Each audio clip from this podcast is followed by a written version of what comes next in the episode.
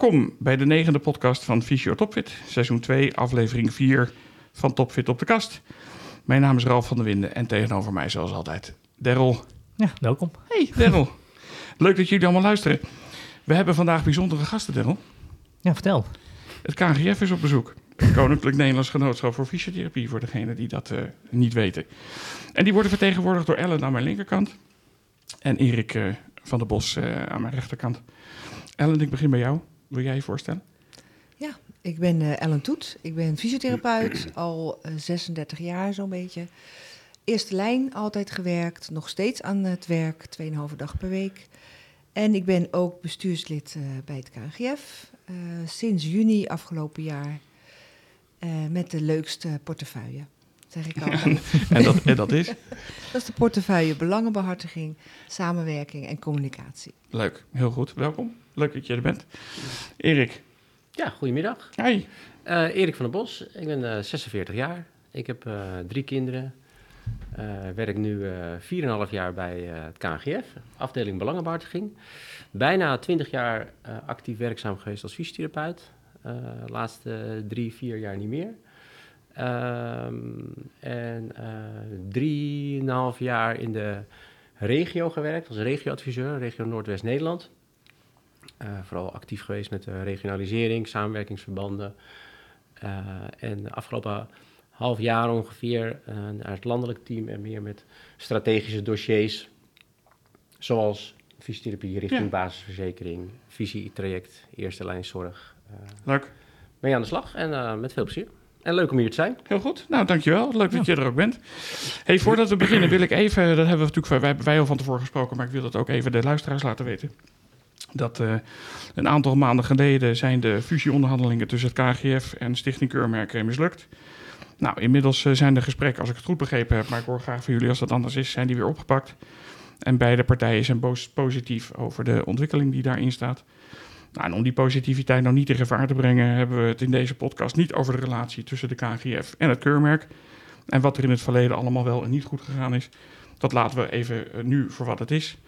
En uh, daarmee hopen we te kunnen bijdragen aan de positieve ontwikkeling die zich dan nu voordoet. En ik hoop dat nou ja, beide partijen er dan uitkomen. Klopt ja, dat, Ellen? Gaat prima. dat? Uh, ja, ja goede afspraak. Goed zo. hey, dan dat vind ik altijd een leuk onderdeel dit. We gaan beginnen met ja-nee. En dat is natuurlijk een beetje gemeen, want er zitten vragen bij waar je alleen ja of nee op mag antwoorden. Ja, daar zit af en toe een, een beetje lullige vraag tussen. Maar je krijgt daarna alle kans om uit te leggen waarom je ja of waarom je nee gezegd hebt. Zijn jullie er klaar? Ik wil voor jullie allebei een antwoord. Als dat, uh, het mag uh, verschillen van elkaar. Zelfde vraag? Nee, ja. nee. Ja. Je, je, oh, gewoon overal nee en dan zien we daarna wel hoe het gaat worden. Volgende ja. vraag. Ja, volgende. Hey, de eerste vraag. Uh, het KGF heeft er de afgelopen jaren alles aan gedaan om de fysiotarief omhoog te krijgen naar het niveau van Gupta. Ja. Ja. Allebei ja, heel goed. Dat het tarief niet omhoog gegaan is, zoals de Gupta berekent, is enkel te wijten aan de zorgverzekeraars. Nee. Nee. Oké. Okay. De nieuwe CAO, die komt eraan, is in deze huidige vorm en met de huidige tarieven haalbaar en betaalbaar voor werkgevers.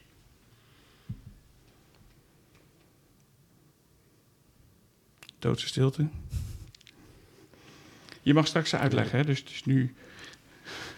Eerste gevoel? Het eerste gevoel is nee.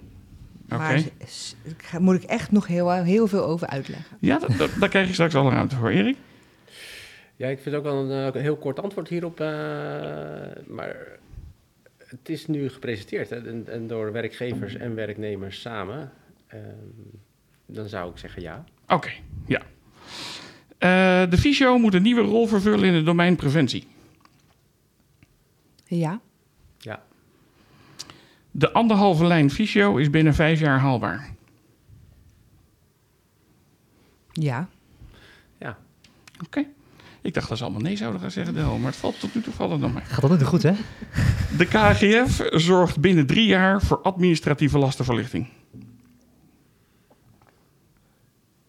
Ja. Nee. nee. Het KGF heeft een plan om de personeelstekorten op te lossen.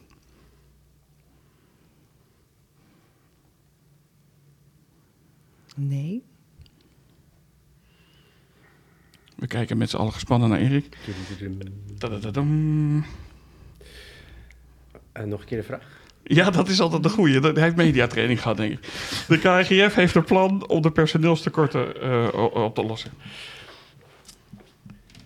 Ja. Oké, nou. Ik, wat, wat ik overigens leuk vind, is dat jullie soms allebei een ander antwoord geven. En dan krijgen we straks daar hopelijk een levendige discussie over. Hey, we gaan, ik, ik loop ze weer eventjes eh, af. De eerste vraag was, en die heb ik even gecombineerd met eh, vraag 2. Het KGF heeft er het afgelopen jaar alles aan gedaan om de tarieven omhoog te krijgen naar het niveau Gupta. En eh, dat dat niet gelukt is, is enkel te wijten aan de zorgverzekeraars. Nou, daar zei je ja en nee op, Ellen. Wil je hem toelichten? Ehm, de, kijk, de om, om, om te praten over eh, tarieven en, en tariefstelling en dat die te laag zijn, dat is duidelijk. Daarom heeft het KNGF ook al het GUPTA-onderzoek zeg maar, Ja. eh, eh, ingezet en meegedaan. En is daarmee ook de boer opgegaan, om het zo maar te zeggen. En uiteindelijk blijkt dan dat zeg maar, te hard te nemen, want dat staat dan heel letterlijk in de tekst van het GUPTA-onderzoek. En de, dat dat eh, iets anders betekent dan dat je ook echt je tarieven omhoog gaat eh, zetten. Vooral voor de zorgverzekeraars. En dat heeft te maken met het systeem waarin we zitten. We zitten in een systeem van vrije prijsvorming, vrije markt. Mhm, Maar ook die zorgverzekeraars zitten in de vrije markt. mhm. Dus die concurreren ook weer onderling. Eh, en daarbij hebben we dan ook eh, zeg maar de, eh, nou ja, de verminderde eh, eh, zorgen voor elkaar gevoel. Hè. De verzekeringen is toch licht anders dan vroeger.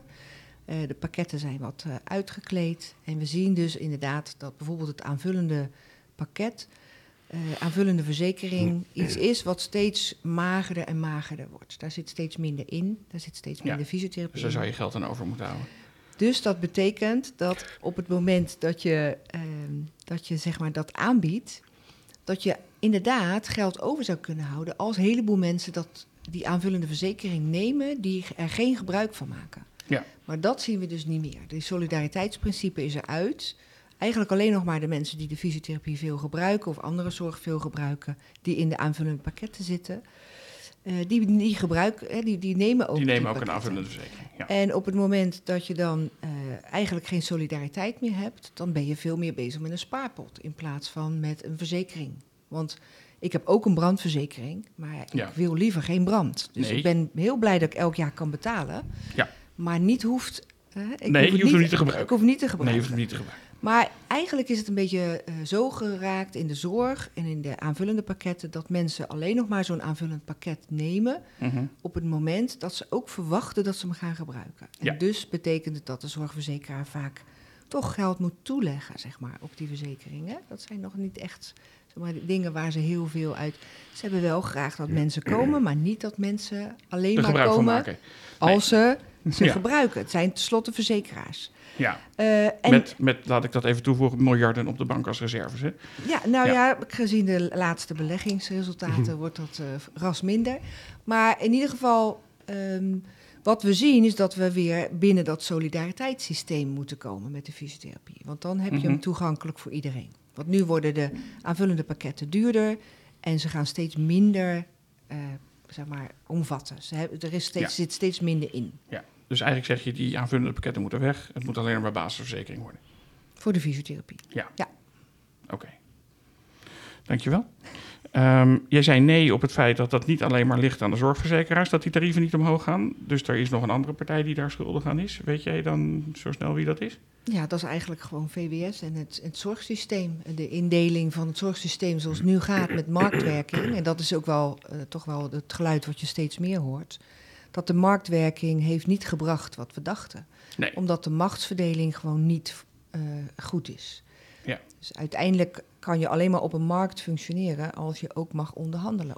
Zoals je op een markt zou doen. Nou, daar is natuurlijk een heftige discussie over nu. Dat je als je praktijk zelf ehm, individueel gezien mag je niet onderhandelen. Dat mag alleen de beroepsvereniging. Nou, de KGF, die heb ik nu aan tafel, die zijn de beroepsvereniging.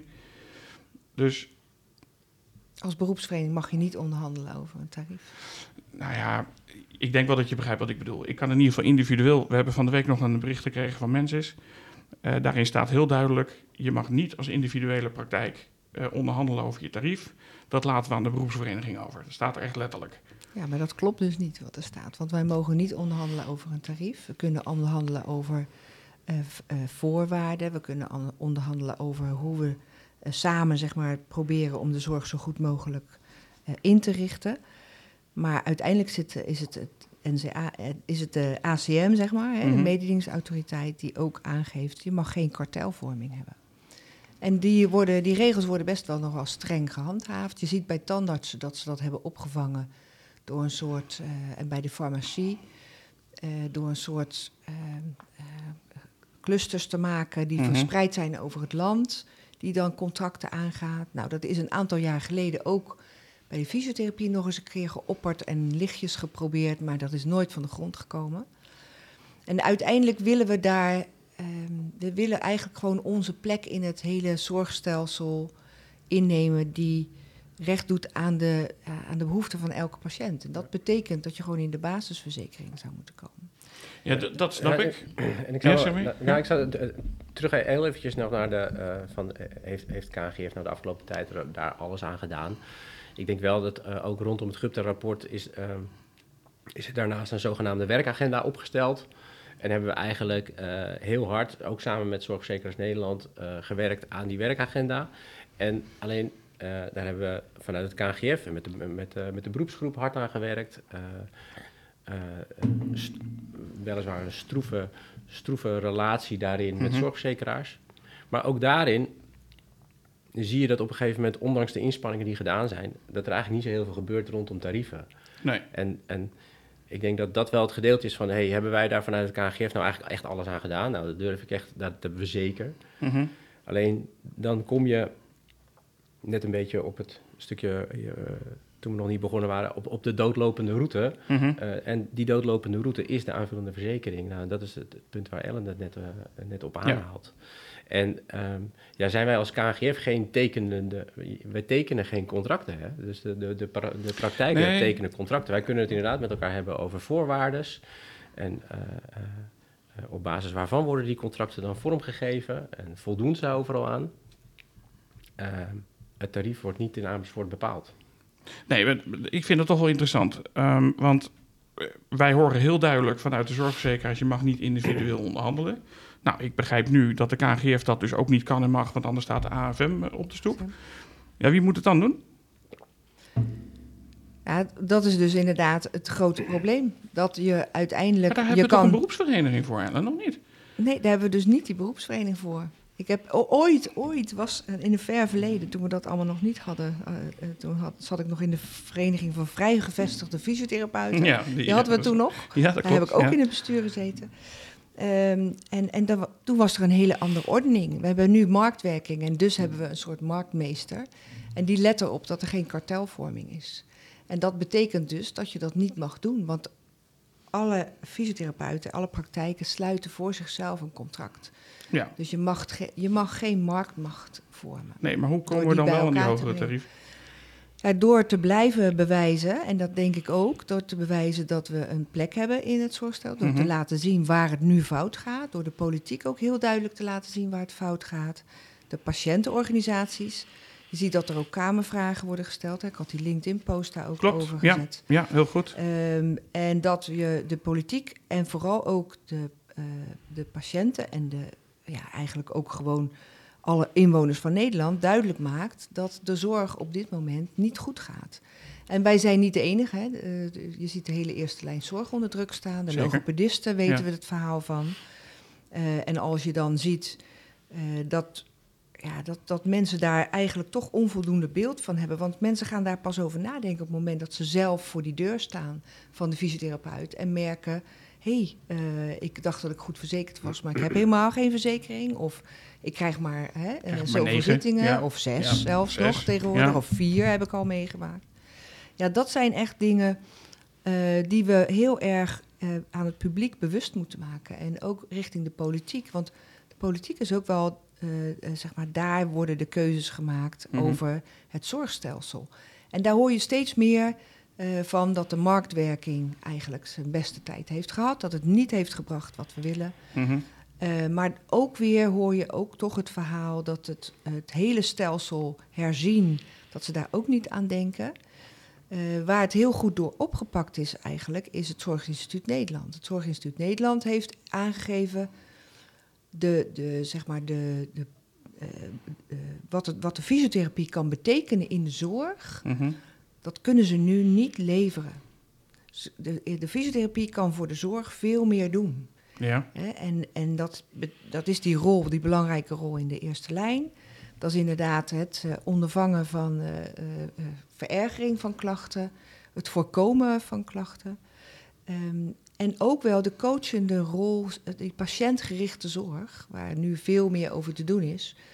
eh, dat eigenlijk daar de fysiotherapeut heel erg voor geschikt is. Omdat hij gewoon ja, veel meer naast mensen staat en, En die langer heet bij NZI, zei dat? En Nederlands Zorg? Zorg Nederlands Zorg- Zorginstituut. Nederlands ja, Zorginstituut. En hebben Nederland.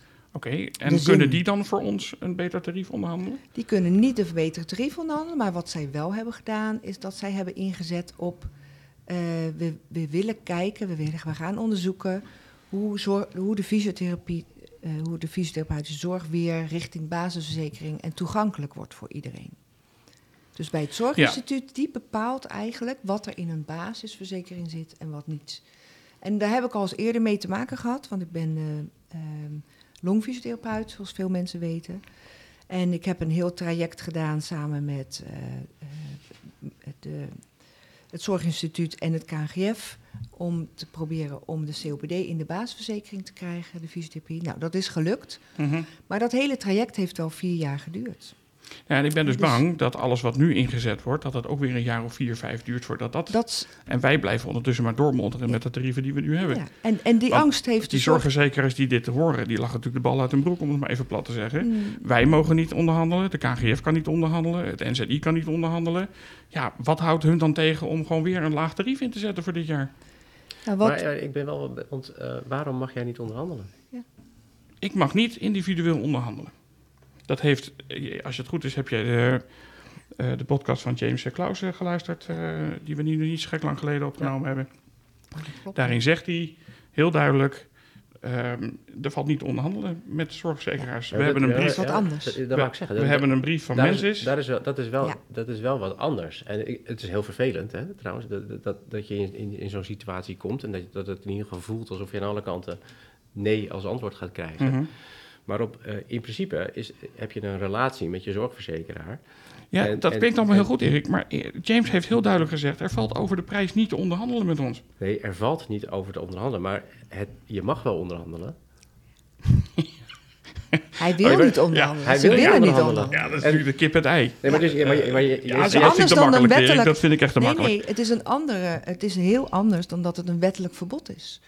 Kijk, er Ja, is een dit- wettelijk dit is verbod natuurlijk- als je kijkt. Nee, dat zij niet willen onderhandelen, dat is heel duidelijk. Dat zetten ze dus ook zelfs zo neer.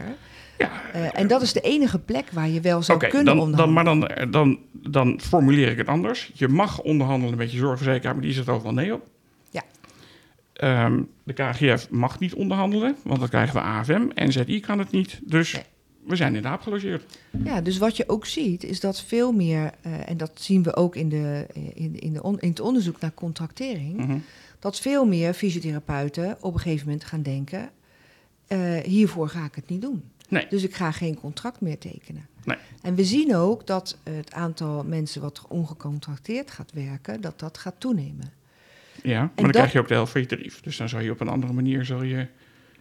Ja, dat doen die mensen, die hebben dan inderdaad vaak dat ze een, een patiënt een eigen rekening, hè, een Ja. rekening gaan sturen. Nou, dat is eh, fijn daar, dat mag- het kan. Mag ik daar gelijk even op inhaken? Ja. Er zitten hier, en we, zitten, we nemen dit op in Boskoop, er zitten zeven fysiotherapiepraktijken. Nou zeggen wij volgend jaar, we tekenen niet. Waarom gaat die patiënt dan 25 euro per behandeling bij mij betalen, terwijl op iedere hoek van de straat nog een fysio zit die wel een contract heeft? Ja, er zijn, eh, er zijn echt eh, fysiotherapeuten die dat doen. En we zien Ja, dat het wel dat ze aantal stijgt. dat dus het doen. zal toch ook bevallen. Ja. Maar het is niet de mooiste oplossing. Het is ook niet de oplossing die wij willen. Nee, Want wat je ziet ik is wil dat... hem ook niet zo. Nee, omdat je ziet, ik werk ook in een wijk met veel lagere zesklassen. Ja, wat je dan gaat doen, is dat je eigenlijk mensen die het niet kunnen betalen, hun zorg gaan ontzien.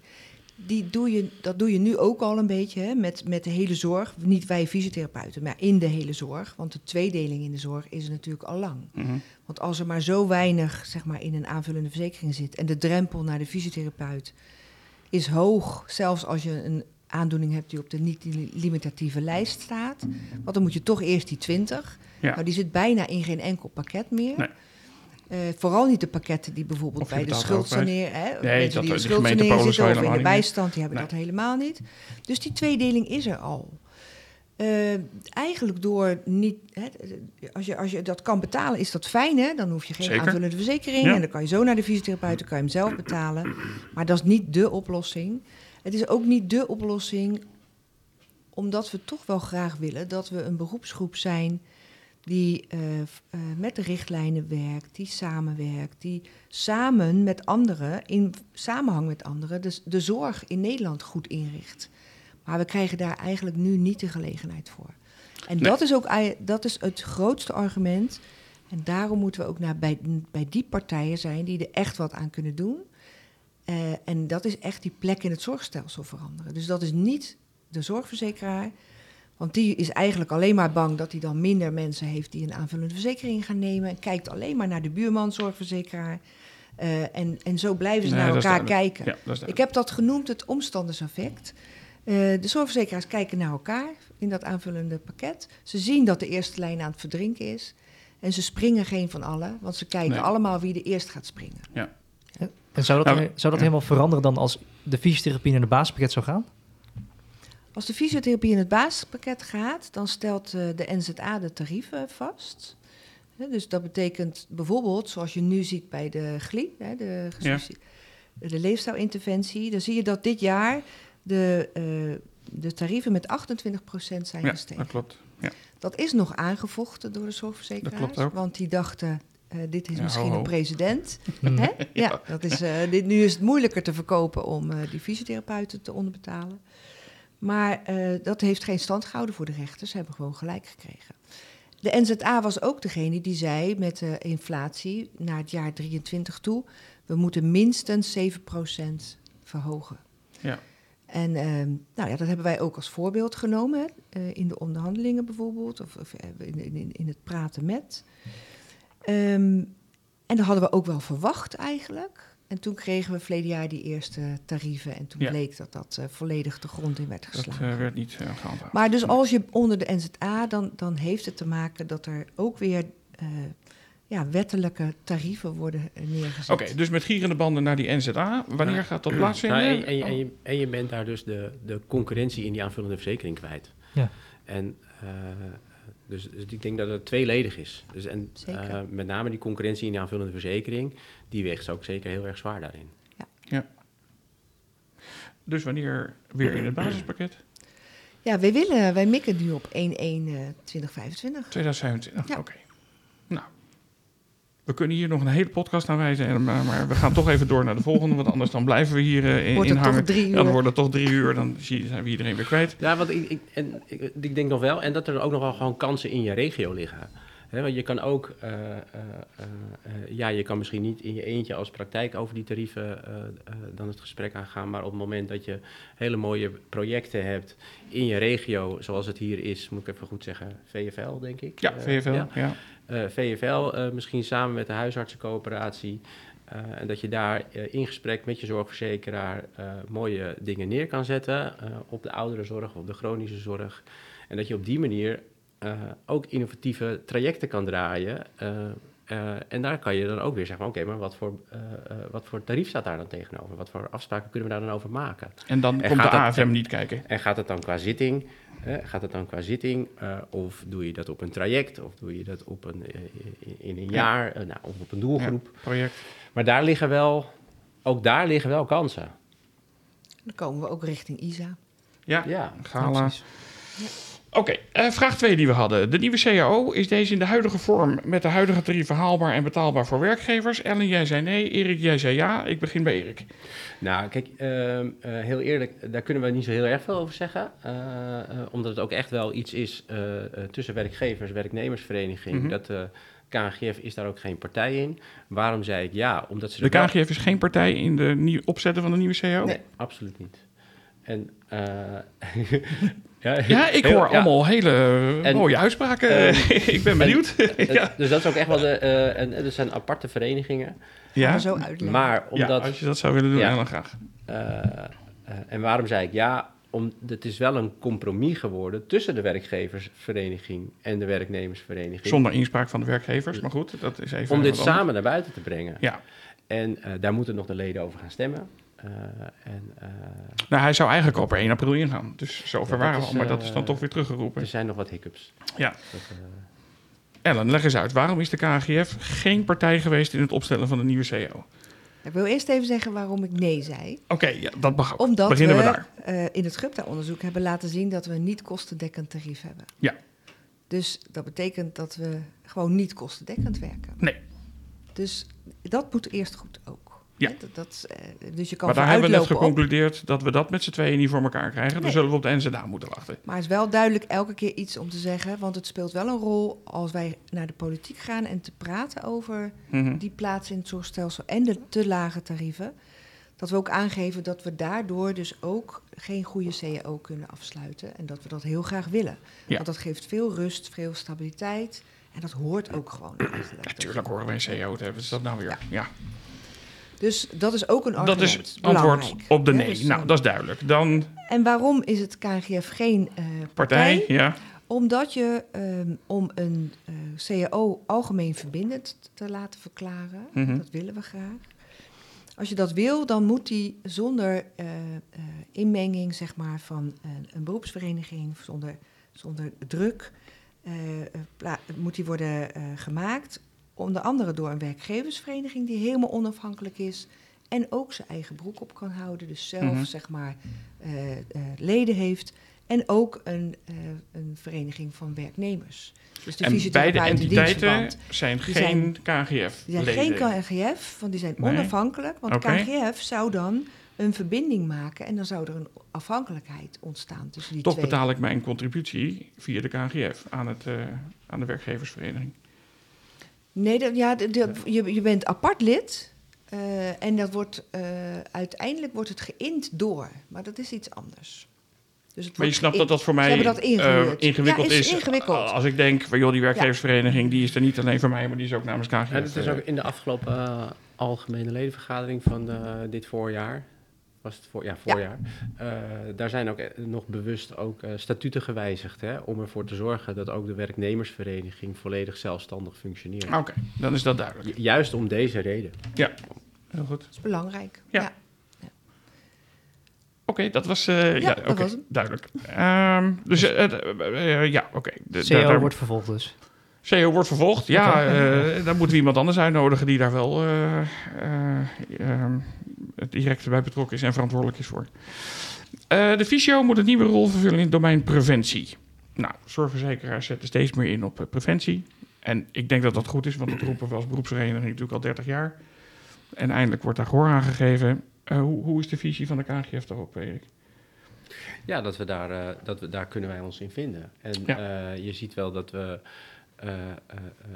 daar waar we in eerste instantie vaak eh, een rol namen op het moment dat de patiënt of de burger eigenlijk al een aandoening heeft, zie je dat dat steeds vroeger ontstaat. En eh, een mooi voorbeeld is natuurlijk daarin de gecombineerde leefstijlinterventie, waarin, eh, waarin de fysiotherapeuten, eh, fysiotherapeuten een, eh, een belangrijke rol spelen.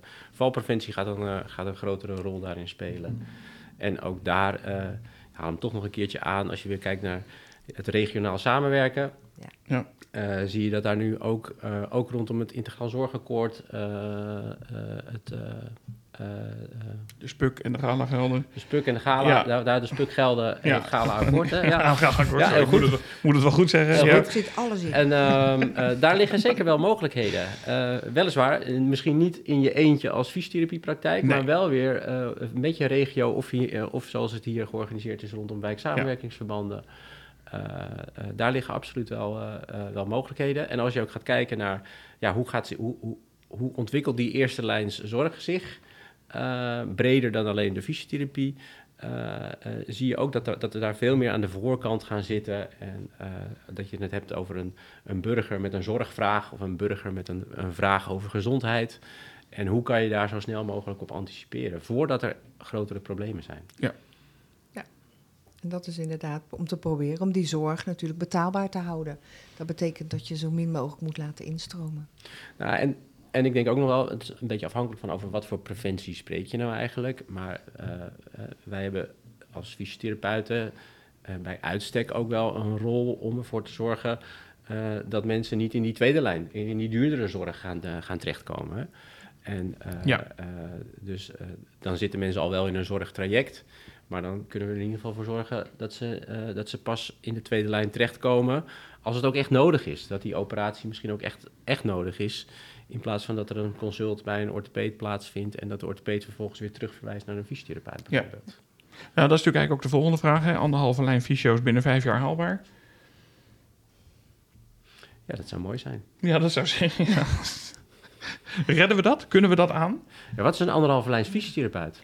Ja, Ja, maar dat is, en, en, wat is anderhalve lijns zorg ja. eigenlijk? En- nou ja, zorg die bij ons terecht kan en niet naar de tweede lijn Ja. hoeft. Ja, oké, ja, als dat, ja. Ja, wat- Hm? ik denk dat nu de anderhalfste lijn vaak wordt gebruikt, eh, omdat dan de manier van financiering zeg maar, eh, eh, anders moet dan nu in de eerste lijn. En dat we daarom de, de naam anderhalfste lijn zijn gaan gebruiken. Ja, Maar als we kijken naar hoe de financiering nu anders gaat eh, in de toekomst, dat het inderdaad eh, misschien wijkgericht gaat en, en vanuit gelden, vanuit de gemeente misschien met valpreventie, ehm, dan heb je het eigenlijk helemaal niet meer zo over waar zit het dan precies. Maar het gaat erom dat mensen dicht bij huis, hè, de passende zorg, dicht bij huis krijgen, eh, laagdrempelig. Eh, en dat dat voorkomt dat ze meer zorg nodig hebben naar een ziekenhuis toe moeten gaan. maar dat is Je wel een enorme druk op de fysiotherapeuten. Ja, en, en de grote vraag is, en dat stel ik ook elke keer, eh, die vraag stel ik ook aan de politiek. eh, als je dit wil, dan moet je wel zorgen dat er iets overblijft. Ja, dan moet je niet zeg maar, zo hard de, zeg maar de, de, de duimschroeven aandraaien... Nee. dat er uiteindelijk geen fysiotherapeut meer is om dat te doen. Want Nee, het is precies. wel een heel mooi plan. Eh, als ik kijk naar het hele integraal zorgakkoord... als je hoog overkijkt zeg maar, en je leest het... dan denk je van ja, wie wil dat nou niet? ja, precies. Maar dan gaat het natuurlijk alle beroepsgroepen in en dan gaat het alle beleidsstukken in. en Dan begint de ellende. dan begint de ellende inderdaad. Dus wij moeten heel erg zorgen dat we heel dichtbij blijven en, en daarin ook meepraten. En dat doen we ook, meepraten aan die bestuurlijke tafels.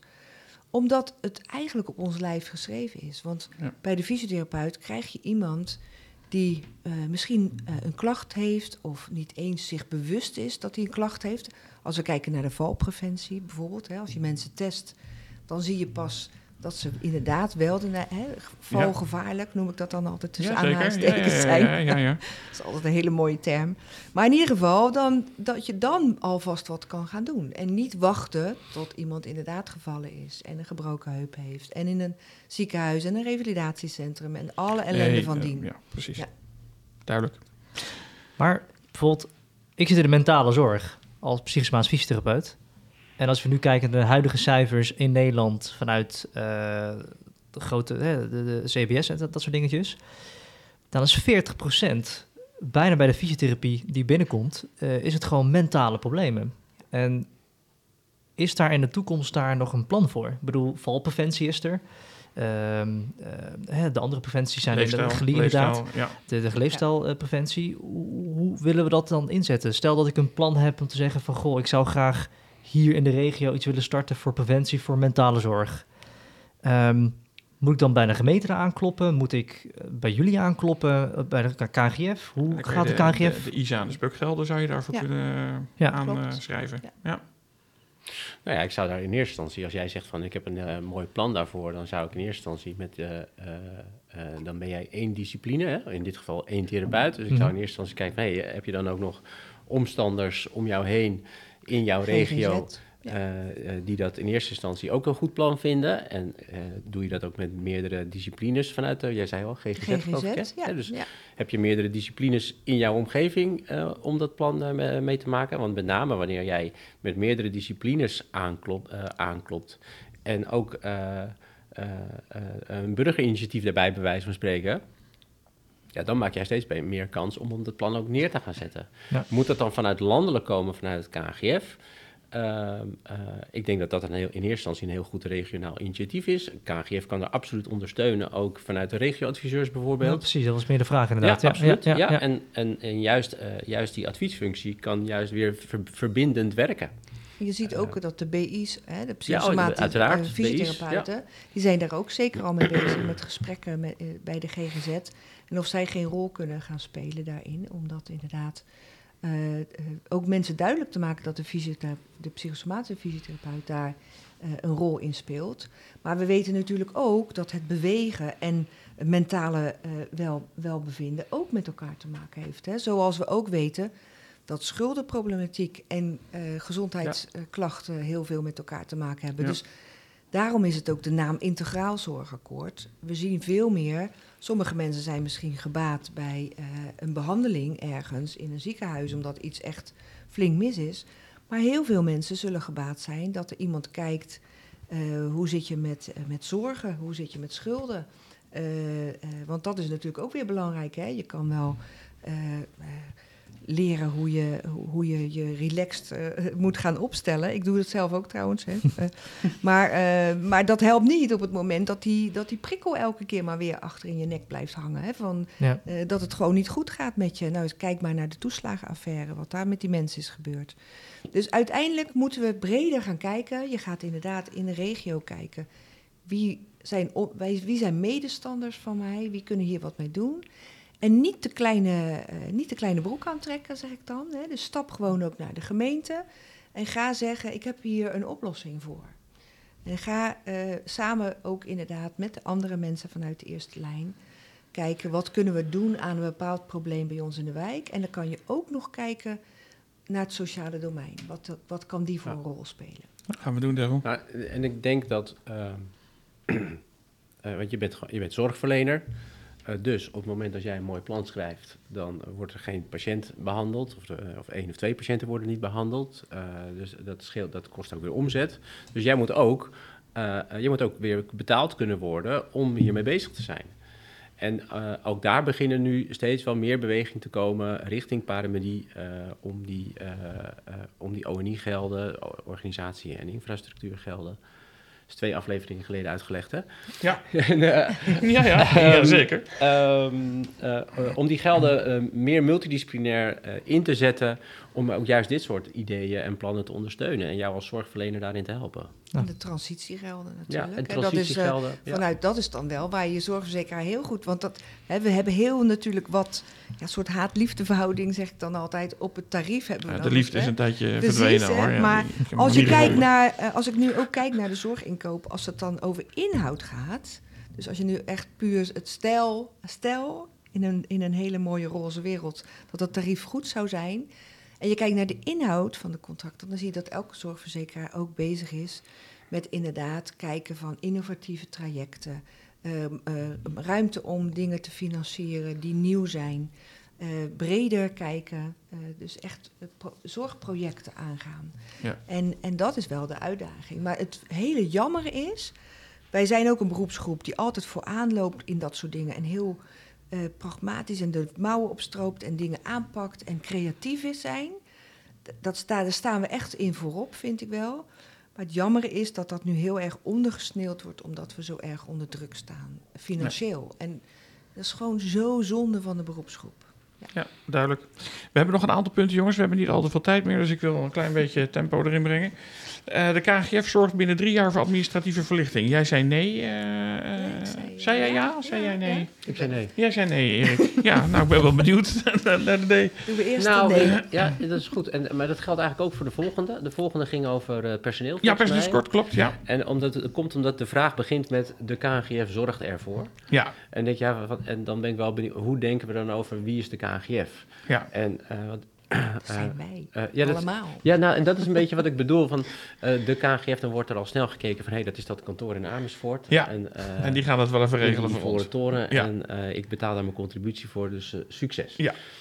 Aan het werk, voor mij. En, eh, en daarom denk ik dat we... eh, en als we hem zo neerleggen, dan denk ik... dan, dan gaan we het niet halen. En, eh, want we- uiteindelijk doen we het wel met de, met de gehele beroepsgroep. En ehm, Oké, hoe zorgen we er dan met de hele beroepsgroep voor dat we binnen drie jaar administratieve lastenverlichting krijgen? Ja, we, gaan, eh, we hebben sowieso de, de richtlijn eh, verslaglegging. Hè, die zijn, hebben we al Mhm. gedaan, die hebben we vereenvoudigd. Dus gewoon goed kijken van wat moet en wat kan weg. Ja, nou, er zijn een heleboel dingen die weg kunnen. En we gaan kijken, daar, daar, daar verschillen wij van mening, denk ik. Ja, dat is prima. En dan gaan we kijken naar eh, eh, hoe kan dat eh, makkelijker in je EPD's, dus de EPD-leveranciers. Als je kijkt naar hoe eh, zeg maar de, automatisering zich ontwikkelt, hoe de AI zich ontwikkelt, dan kunnen veel dingen veel makkelijker en zou zo'n systeem je moeten ondersteunen en niet lastigvallen, zeg ik altijd. Ja, Het precies. zou moeten ondersteunen bij keuzes. Je ziet dat steeds meer gebeuren bij de EPD's.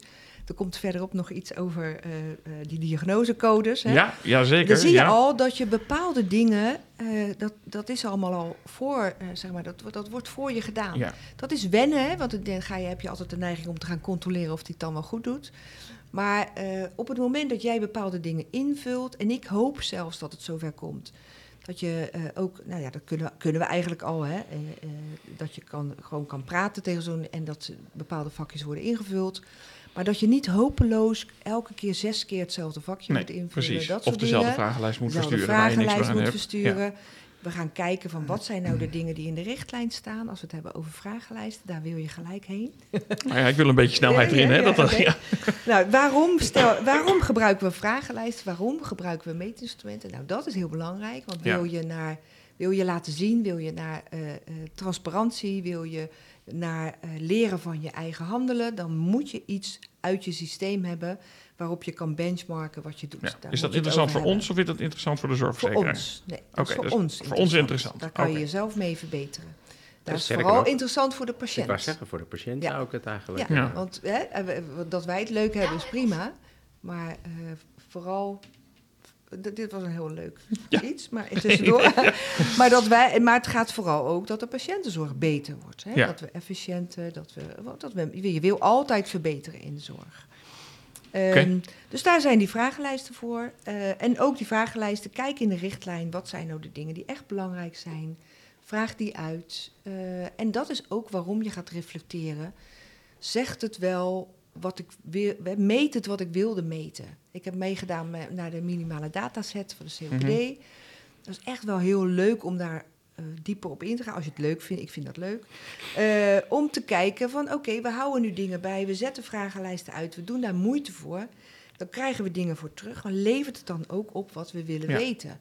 En, en natuurlijk, als we zijn daarmee begonnen de afgelopen jaren. Natuurlijk moet je daarin leren.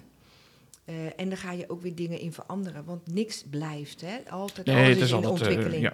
Maar dat het makkelijker en eenvoudiger kan en dat die systemen ons steeds meer kunnen gaan helpen, eh, daar ben ik van overtuigd. Nou, dat zou niet gek zijn, Ellen. Gemiddeld werkt een fysio zeven jaar als fysiotherapeut en daarna gaan ze iets anders doen. Ja, dat is gemiddeld, hè? Ja, Want de jongere precies. fysiotherapeuten zijn de getallen nog dramatischer. Ja, dat is om te huilen. We hebben Ja. over twee weken zitten we bij de Hogeschool Utrecht, Daryl. Dan gaan we eens kijken hoe die, eh, hoe die cijfers dan zijn. Ja. Ehm, hoe kun, ik heb natuurlijk weer gezegd, hoe kan het carrière, eh, KGF een carrière switch voorkomen? Hoe, kan, hoe kunnen we met z'n allen een carrière switch voorkomen? Ja, door heel erg in te zetten op de waarde van de fysiotherapie, duidelijk maken aan de buitenwereld, duidelijk maken aan de politiek, duidelijk maken aan de patiënten, aan de, aan de bevolking, eh, onze plaats gaan opeisen en innemen. Dan moeten wij ook zelf wat voor doen. Hè? Want als je de Ja, maar als ik geen tariefverhoging krijg, kan ik zo geen normaal salaris aanbieden. Dus dan, dan loopt iedereen al weg. Nee, maar dat is het dus. Ja. Dus op het moment dat je gewoon waar voor je, hè, waar, Ja. eh, eh, geld voor je waar krijgt, zeg Mhm. even andersom. Ja, ja, ja. Eh, want dat is eigenlijk hoe het natuurlijk werkt. Ja, dan kan je, en daarom hè, dat zeg ik ook, je kan nu een heleboel dingen niet goed, omdat het gewoon, je moet het ook kunnen opbrengen. Ja. Eh, dus ja, daar zit een hele belangrijke uit. En, en ik vind het doodtriest, want als je kijkt hoe, hoe enthousiast die jonge mensen zijn, hoe enthousiast ze aan de opleiding beginnen. En eigenlijk is het gewoon een heel. ja, ik vind het het mooiste vak van de wereld en ik doe het al zoveel jaar. Ik ben nog steeds Dat heel straal je ook enthousiast. uit, Ellen. Ja. Ehm, maar het is zo zonde dat, dat dit gebeurt. En Ja. die mensen die weggaan, die komen ook niet zo makkelijk. Die komen niet zo snel weer terug. Nee. Nee. Dus, Nee, en ik denk wel dat daar ook, ook daar wel weer eh, eh, de innovaties die mogelijk zijn, of, de, de, de, de, de, de ruimte die we kunnen hebben eh, in de positionering naast een huisarts, naast andere beroepsgroepen binnen de eerste lijn, maar ook nou, de optie die je net zelf aanhaalde, anderhalve lijn zorg, consulten samen met orthopedie, andere Ja. specialismes doen. Die, eh, als dat allemaal wat, ehm, eh, nou, wat meer eh, lean georganiseerd kan worden ook, en daar, ook daar speelt natuurlijk betaling allemaal weer een, een rol. Ja. Ehm, eh, en eh, eh, mogelijkheden die daar liggen eh, in vroegsignalering. En de, dus dat er nieuwe uitdagingen ook weer Ja. voor de beroepsgroep komen. die ook betaalbaar zijn. Ehm, dan denk ik dat dan, dan, dan, dan het mooie vak wat het is, Ja. zullen mensen daar dan ook meer in blijven, blijven hangen. Ja. En ehm, daar heb ik wel vertrouwen in. Het zit ook in een stukje erkenning, hè, dat mensen trots zijn, trots zijn om fysiotherapeut te zijn. Ja, maar je kunt wel trots zijn op je fysiotherapeut, maar op het moment dat je geen huis meer kan kopen of je niet kan betalen, ja, dan kan je er trots op zijn, maar dat heeft natuurlijk helemaal geen zin. Dus er zit heel veel. eh, Maar ik ben wel fysiotherapeut. Ja, maar. Wat, je wil, wat je wil is dat inderdaad ook de waarde van de fysiotherapie wordt gezien door de omgeving. Hè? En dat, dat, dat staat nu heel erg onder druk. Ja, duidelijk. Ehm, even kijken. Wij hebben ehm, de zorgverzekeraars hebben de plicht om per 1 april, voor 1 april hun eh, zorg eh, eh, kenbaar te maken voor het jaar erop. Ehm, eh, we hadden het net al heel eventjes over ehm, waarom staan er zoveel kwaliteitseisen in die contracten die door de zorgverzekeraars zijn bedacht en niet door het KNGF. Omdat de contracten door de zorgverzekeraars worden bedacht. Ja, maar de KNGF bepaalt toch wat De wij aan kwaliteit. kwaliteitseisen Ja, moeten voldoen. ja. Dus dat is een grote stap die Maar we wordt daar hebben. dan overlegd? Bellen ze dan met het KNGF en zeggen: jongens, hebben we nog iets voor, voor, voor dit jaar? Of dat bepalen ze helemaal op het kantoor van de zorgverzekeraar zelf? Ja, er wordt, wij gaan, zeg maar, eh, dat hebben we nu de afgelopen eh, voorjaar gedaan. Mhm. Het kwaliteitshuis, eh, duidelijk Ja. uitleggen van dit is ons kwaliteitsbeleid, dit is wat we willen. En dat het in ieder geval duidelijk is hoe het in elkaar zit, eh, waar wij naartoe willen. Nou, dan zie je dat sommige zorgverzekeraars daar eh, heel eh, duidelijk in zijn. Als je kijkt naar een DSW of een ONVZ, Ja. dit is allemaal niet zo ingewikkeld. Nee. Maar er zijn ook zorgverzekeraars die daar zichzelf willen onderscheiden Ja. door bepaalde dingen op een bepaalde manier te doen. En dat doen ze dan vanuit zichzelf ook uit een soort. Ja, dat ze, dat ze de, de, de, de zorgverlening naar een bepaalde kant willen duwen. Ja, dat duwen en trekken, dat is een soort eh, eh, eh, samenspel.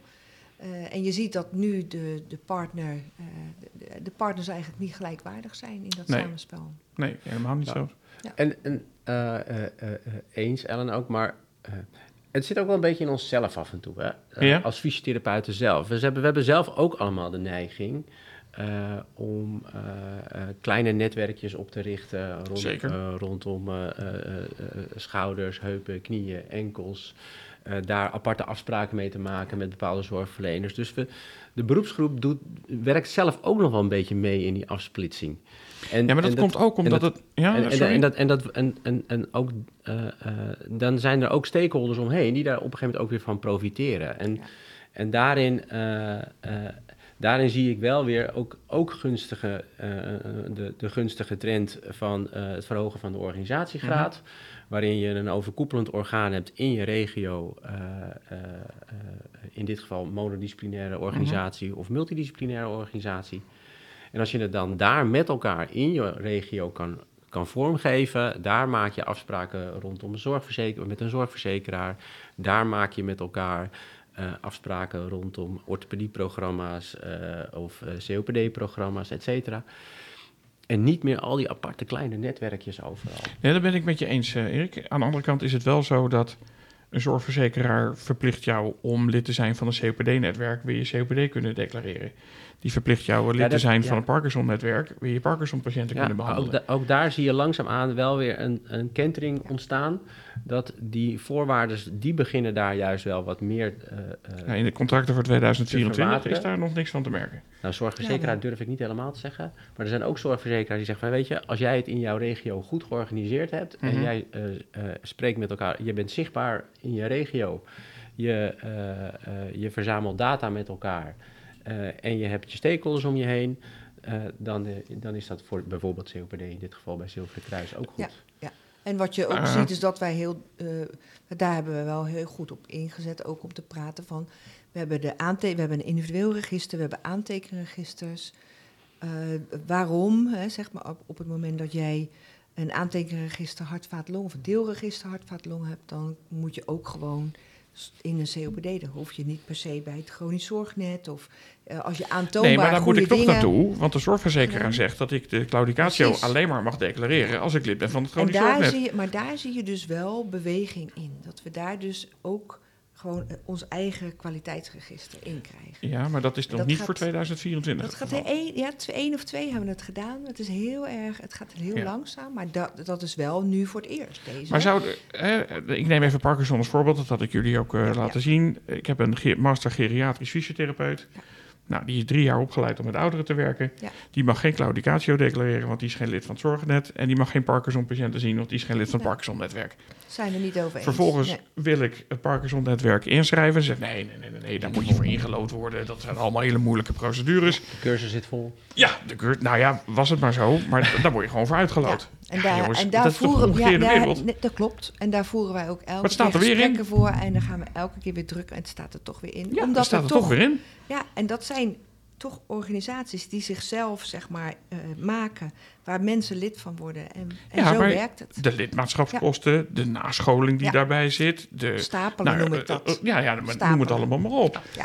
Al En- die tijd het- en geld ja. en energie die je daarin steekt, kan je niet aan je patiënt gebruiken. Dat Dus is toch dat moeten we echt in elkaar gaan schuiven. En als, je nou, en, en als je ook gewoon, eh, eh, eh, uiteraard gaat het hier over het belang van de fysiotherapeut, Ja. maar ook als, je kan je ook afvragen, is het in het belang van de patiënt? Ja, Als je het nou hebt over eh, eh, eh, de passende zorg die we met elkaar willen organiseren, ook de zorg dicht bij de patiënt, ja, ook daar helpt, helpt zo'n Ja. netwerk dan niet altijd Nee. in. En eh, nou ja, Ellen geeft net al aan, daar wordt echt wel aan alle macht eh, over, over dit soort voorwaarden echt wel geprobeerd onze Oké. invloed eh, dus uit dat te is een rol die de KGF ja. wel op zich Absoluut, neemt om daar... eh, Oké, We zijn nu ook bezig zelf hè, met, met DigiH, dat dat er gewoon een, een duidelijk is dat je daar vindbaar bent, de zorgzoeker goed te vinden is, dat je je aantekenregisters goed op orde hebt, dat je daar niet meer afhankelijk bent van anderen, zeg maar, om Nee, te laten ja, zien wat je doet.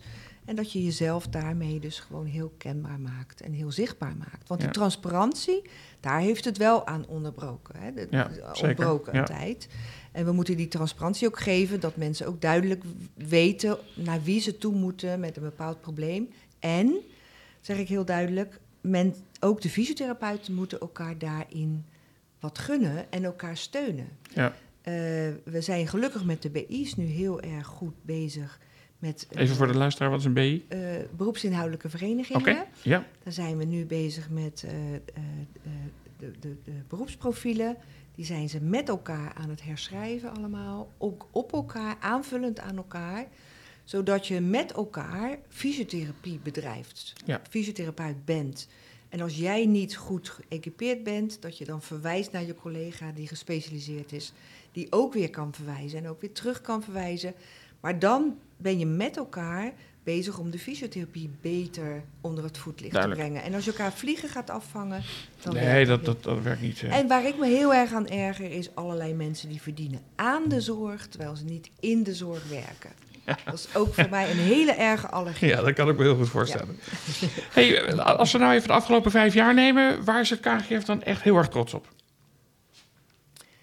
Ehm, trots op eh, de ontwikkeling van het vak. Eh, jij mag het invullen. Ja, is dat een vraag aan mij? Maar Nee, jij mag nee, nee, ik zal hem naar beneden, dan, dan moet ik mijn stem naar beneden doen, hè, dan is het geen vraag. Ja, nee, ja. Eh, De ontwikkeling van het vak, de plaats van de fysiotherapie binnen de eh, aanpak in een heleboel Mhm. aandoeningen, die is heel duidelijk. Eh, de, eh, de waarde die fysiotherapeut heeft, is veel duidelijker geworden. Eh, ik denk dat het KNGF eh, als, als organisatie trots is op ehm, eh, dat we meer eenheid zijn geworden. Dat de, wat ik net noemde, de BI's. eh, dat er meer eh, onderling overleg is. Dat we samen meer één zijn. Dat we dat kwaliteitshuis hebben. Mhm. Er ontbreekt nog een klein stukje.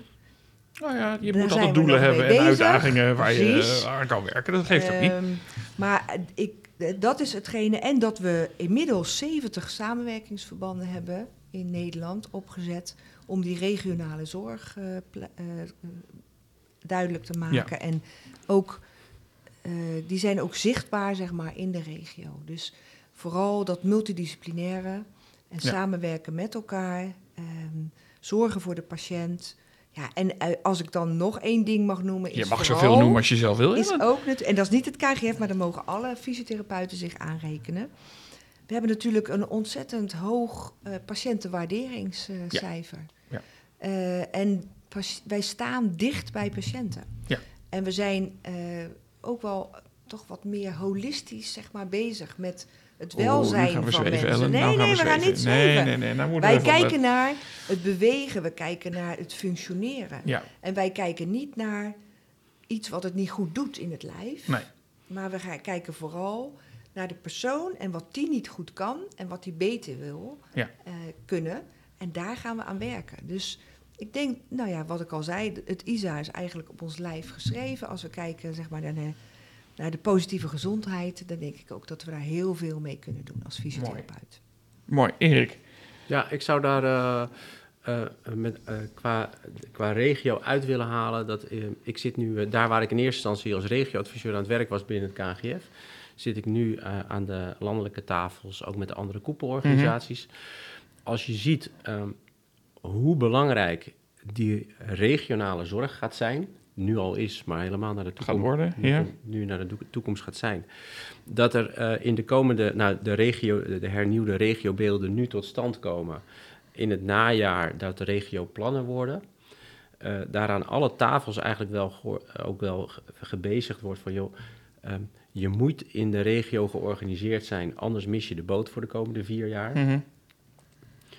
Als ik dan terugkijk naar de afgelopen vijf tot tien jaar, hoeveel energie het KNGF en de beroepsgroep in de regio, hoeveel energie de mensen daarin gestoken hebben, eh, vanuit, eh, vanuit, de, eh, vanuit de mensen die op kantoor werken, maar met name ook hoe er gefaciliteerd is om mensen in de regio aan, het, aan, aan de slag te hebben, denk ik dat we daar, nou, daar echt wel goed staan in Ja, die regio's nu. zijn. En dat we daar, eh, nou, ik had het in het, in het afgelopen artikel eh, van Fysiopraxis ook gezegd, van denk, is het nu tijd om te oogsten? Ja, En, ehm, eh, maar we moeten het wel doen. ja, maar ik denk dat we daar wel, nou, daar, ben, daar mm, als KGF echt wel trots op kunnen zijn. ja. heel goed. En dan hebben jullie ook nog een visietraject Eerste Lijns 2030 ontwikkeld. Eh, nou, dat doen we met elkaar. Dat doen we, dat doen we niet vanuit het KGF zelf. Dat, doen we, eh, dat is zeg maar een traject vanuit het Integraal Zorgakkoord. Eh, Integraal Zorgakkoord heeft een hoofdstuk dat heet, dat gaat over de eerste lijn zorg. En daar vandaan is een visietraject eerste lijn zorg naar 2030 toe, wordt, dat, wordt dat opgezet. Daar heeft eh, daar, daar werken we als KNGF heel hard in mee. Het traject ronden we als het goed is na de zomer af met, met elkaar. Eh, waarbij ook een, eh, een, een implementatieplan gaat komen. En wederom komt hij weer, dat Ja. implementatieplan landt in de verschillende regionale organisaties. Ehm, en dat is dus niet iets van het KNGF zelf. Hè. Dat, zijn de, Nee, gewoon, ja. dat zijn 14 beroepsorganisaties die in de eerste lijn zorg werken. Hoe zorgen we, met, de- met eigenlijk de vraag, hoe zorgen we ervoor dat de eerste lijn zorg eh, eh, vandaag, maar ook in 2030 en 2040 eh, toegankelijk, betaalbaar en eh, kwalitatief hoogwaardige zorg kan, eh, kan Ja. leveren. Eh, waarin mensen met veel werkplezier kunnen werken en, eh, eh, en niet na zeven jaar uitstappen. Nee, ja, precies. Ja, dat is, eh, dat is wel heel belangrijk. Ja, Ja. heel goed. Ja. Nou, klinkt goed. Hey, jongens, we gaan afsluiten. We zitten bijna aan het uur. Ehm, Ellen, is er nog iets waar jij op terug wil komen? Is er nog iets waarvan je zegt, nou, dat zou ik nog heel graag willen meedelen? Meedelen of... eh, nou ja, je je- je- zeggen? eh, lucht je hart. Ja, wat ik nog wel wil noemen, want dat wordt ook nog wel eens genoemd, eh, dat we eh, ook eh, naar de opleidingen fysiotherapie, dat KNGF zich daar ook over buigt en mee bemoeit en daarmee praat. Mhm. Om vooral het, het opleidingsprofiel gelijkwaardiger te krijgen met elkaar. Ja, En dat we ook zorgen dat er gewoon goede mensen weer op de arbeidsmarkt komen. ja, En zich ook voorbereid voelen op die eerst, hè, op, op, die arbeidsmarkt. Ja. Want dat is natuurlijk wat nu ook wel een beetje naar voren komt. Dat mensen soms in de praktijk klagen van ja, wat, wat hè, sluit het wel aan, wat van de Ja. opleiding komt. Ook daar zijn we heel erg mee bezig. leuk. En het grappige is dat je dan bij die jonge mensen en op de opleiding eh, dat werken in de wijk en samenwerken en multidisciplinair werken eigenlijk al veel meer ontwikkeld ziet. Dat hoort ook zo natuurlijk. Ja. Hè? Je hoort van jonge mensen ook altijd weer te leren als ze net van de Zeker, opleiding tuurlijk. komen. Graag zelfs. Maar eh, daarom zitten we over twee weken bij de Hogeschool Utrecht. Ja. En een van de vragen die we daar stellen is... de afgelopen periode hebben wij heel veel eerstejaars eh, studenten gehad, eh, stagiaires. En die hebben eigenlijk als argument... eh, het wordt meer een communicatieve opleiding... dan dat het een anatomische opleiding wordt. Anatomie wordt al bijna geen les meer gegeven. Ehm, dat is een, nou, eigenlijk een vak wat je daarnaast zelf erbij moet gaan doen. En er wordt gewoon heel veel gepraat en heel veel gesproken. Ja. Alsof we de patiënt beter willen praten, zeg maar. Eh, ik vertaal hem misschien even heel, heel eh, strak, maar... Ja, sluit dat aan bij de werkelijkheid. Nou, dat, ik, ik vind het goed. Ik vind het leuk om te horen dat de KNGF zich daar ook eh, in mengt. Ja, ja. ja. Leuk. Daryl, Ja, ik heb niks meer toe te voegen. nee. Het is je, hebt, duidelijk. je hebt geen stepsels nodig gehad vandaag. nee, Nee. nee, nee, vandaag niet. Erik, Ja, eh, bedankt voor de uitnodiging. ja, En, leuk dat jullie er eh, waren. Ik, eh, ik zou nog willen meegeven dat eh, eigenlijk, eigenlijk alle onderwerpen die we zo net in het afgelopen uur met elkaar Ja. besproken hebben, eh, zijn maar onder, op één manier mogelijk om met elkaar ook vorm te geven. En dat is namelijk dat KNGF is een vereniging en een vereniging Ja. heeft leden. Ja, En eh, met elkaar zijn we eh, het KNGF. En, eh, en daar, dat doen we dus ook met de leden. En hoe, hoe, hoe breder dat ledenaantal is, hoe beter we ook onze, ons kunnen blijven positioneren in de dossiers die we met elkaar voeren. ja, en eh, nou, zoals in het hele verenigingsleven hebben wij dus ook die leden nodig. En ik denk dat, eh, eh, eh, eh, nou, dat dat ook wel een stukje verantwoordelijkheid zowel eh, van ons als vereniging is, maar ook gewoon van de beroepsgroep fysiotherapie. Is van jongens, we hebben een beroepsvereniging en het hoort er gewoon bij. Daar ben je lid van. precies. Ja, Ook een solidariteitsprincipe. Absoluut. Ja. solidariteitsprincipe, ja. nou, cirkeltje weer rond. Ja. Nee, maar ik, ik hoop ook inderdaad, eh, en, en ik vond het heel erg leuk eh, om hier wat, eh, wat meer te laten horen. En, Ja, eh, ja, ja, ja. eh, om wat te kunnen vertellen. Ik, vind heel erg, ik zou het heel erg mooi vinden als mensen zich wel wat meer betrokken voelen. Want ik zie dat toch wel door, en misschien door corona, maar ook een beetje door de druk die er allemaal komt. En al dat negatieve, Ja, dat mensen zich een beetje verhouden en, en, en het idee hebben, het gebeurt allemaal maar daar ergens in de verte. Nee, het gebeurt eh, door je eigen stem, door, Ja. hè, met je eigen hersens erbij. Lees het en stem mee en praat mee, want het is jouw beroepsgroep. Hè. Wij, Ja. wij, wij zijn zeg maar eh, alleen maar de bestuurders en, en, en mensen die er Ja. werken. Maar eh, de beroepsgroep bestaat echt uit de fysiotherapie Nederland. mooie afsluiting, Ellen. Dankjewel voor je komst. Erik, dankjewel voor je komst. Daryl, bedankt eh, voor je bijdrage. Wij gaan, eh, Kom ik krachtig. kort maar krachtig, wij gaan over twee weken naar de Hogeschool Utrecht. Ja. Daar heb ik ook heel veel zin in. Het is de eerste keer dat we op locatie gaan trouwens. We hebben het altijd hier gedaan, maar we gaan voor nu voor het eerst eh, op locatie. Dus dat wordt een hele leuke uitdaging. Eh, dank jullie wel eh, voor je komst. luisteraars, bedankt voor het luisteren en graag tot de volgende keer.